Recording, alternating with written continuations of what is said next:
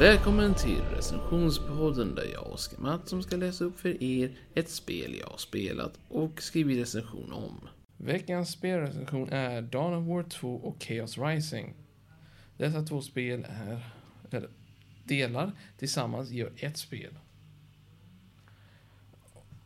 Dawn of War 2 är en action och frontaltaktiskt spel som bygger på skydd, position och snabbrörelse. Till skillnad från föregångarna som är strategi och basbygge och massiva trupper. Dessa föregångare är följande. Dawn of War 1, Winter Assault, Dark Crusade och Soulstorm. Alla dessa fyra spelen hör ihop i en spelserie som kallas för Dawn of War 1-serien. Vilket är en otrolig serie som jag kan rekommendera, men det beror på. De är äldre, kan jag säga. Detta spelet bygger dock mera på strategi och taktisk bygge, i mer än basbygge. För det har de tagit bort nästan totalt, det finns bara lite små grejer kvar. Som du kan göra som till exempel minfält, eller eventuellt sätta upp en turret. Eller något annat liknande. Dawn of War 2 hänger ihop på grund av dess, dess expansionssystem. Det vill säga att du måste göra uppdrag på varje zon. Varje zon är olika, det omplaceras hela tiden, finner alltid olika eller något liknande. Dawn of 2 hänger ihop med för expansionen Chaos Rising, vilket jag nämnde i början. Genom att de hör ihop tillsammans. Du kan spela Dawn of War 2 storyn var för sig, men jag rekommenderar att ni spelar dem tillsammans eftersom att de är byggda på detta vis. Vi kan börja med originalstoryn. Så jag har delat upp det i två delar som ni förstår. I originalstoryn så följer vi en eh, grupp med Space Marines från Warhammer 40 000. Det handlar ju om Warhammer 40 000 detta spelet egentligen, så jag ska bara vara mer klarspråkig. Vi följer då en grupp med Space Marines vid namn Blood Ravens på deras samlingsplanet eller träningsmiljösplaneter i en sektor i rymden. Denna sektorn har fyra planeter var för sig. Det har varit fler, men saker har ändrats och förstörts och liknande. I alla fall. Originalstorm ingripande och krävande med krävande eftersom att alla bonusar och uppdrag kräver att du har en viss poäng. Mister du en dag att göra ett mer uppdrag så drabbas du av mindre poäng. Mindre poäng betyder då i sammanhang att du får det svårare på slutet. Och det gör också mer dödligt för dig. Om du klarar detta med högsta nivå så blir du ökänd som The Angel of Death. Det finns två nivåer, det vill säga skyddsnivå och attacknivå. Når du alltihopa så når du denna höga rank. I, detta är mer eller mindre ämnat för att du ska slåss mot en ostoppbar armé vid namn The Tyranid Swarm. En av dem i alla fall. Inte allihopa eftersom att det handlar inte om hela flottan. För Tyranids är urkända för att vara splittringar av sig själva.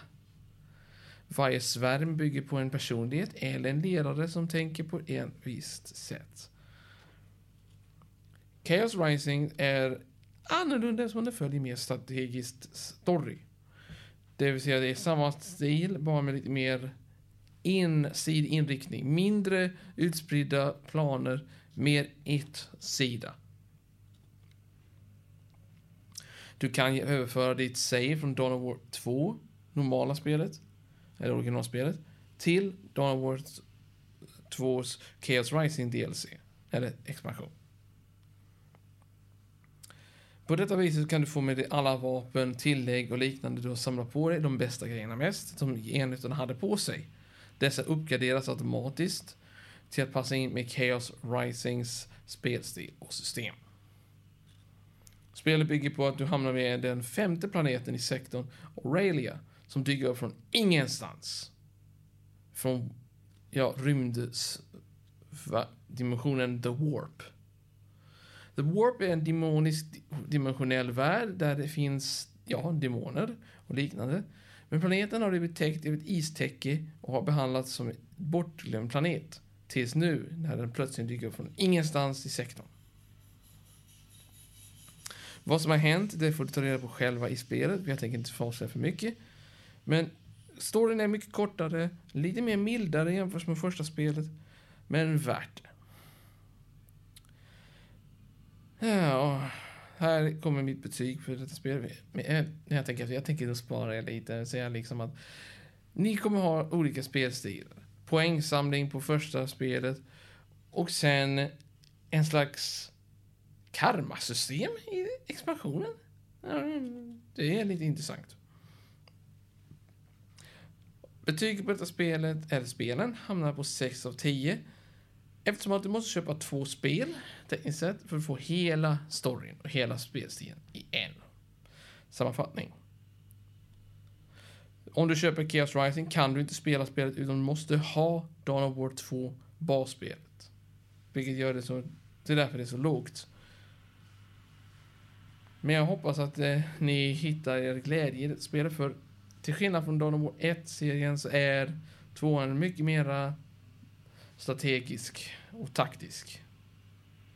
Det finns inte first person shooting, det är, det är third person, nej inte third person, vad heter det? Eh, över, översyn, ska vi kalla det, över kartan där du styr en liten squad med fyra soldater, eller fyra squadledare och deras soldater. Jag hoppas att ni njöt av denna recension. Jag vet att den är kort, men jag försöker inte avslöja för mycket. För jag har spelat ut spelet flera gånger och jag rekommenderar detta spel på grund av den orsak. Betyget är lågt för att det finns ålder och liknande inberäkningar på detta spelet. Men jag hoppas att ni njöt. Tack för mig. Hej då.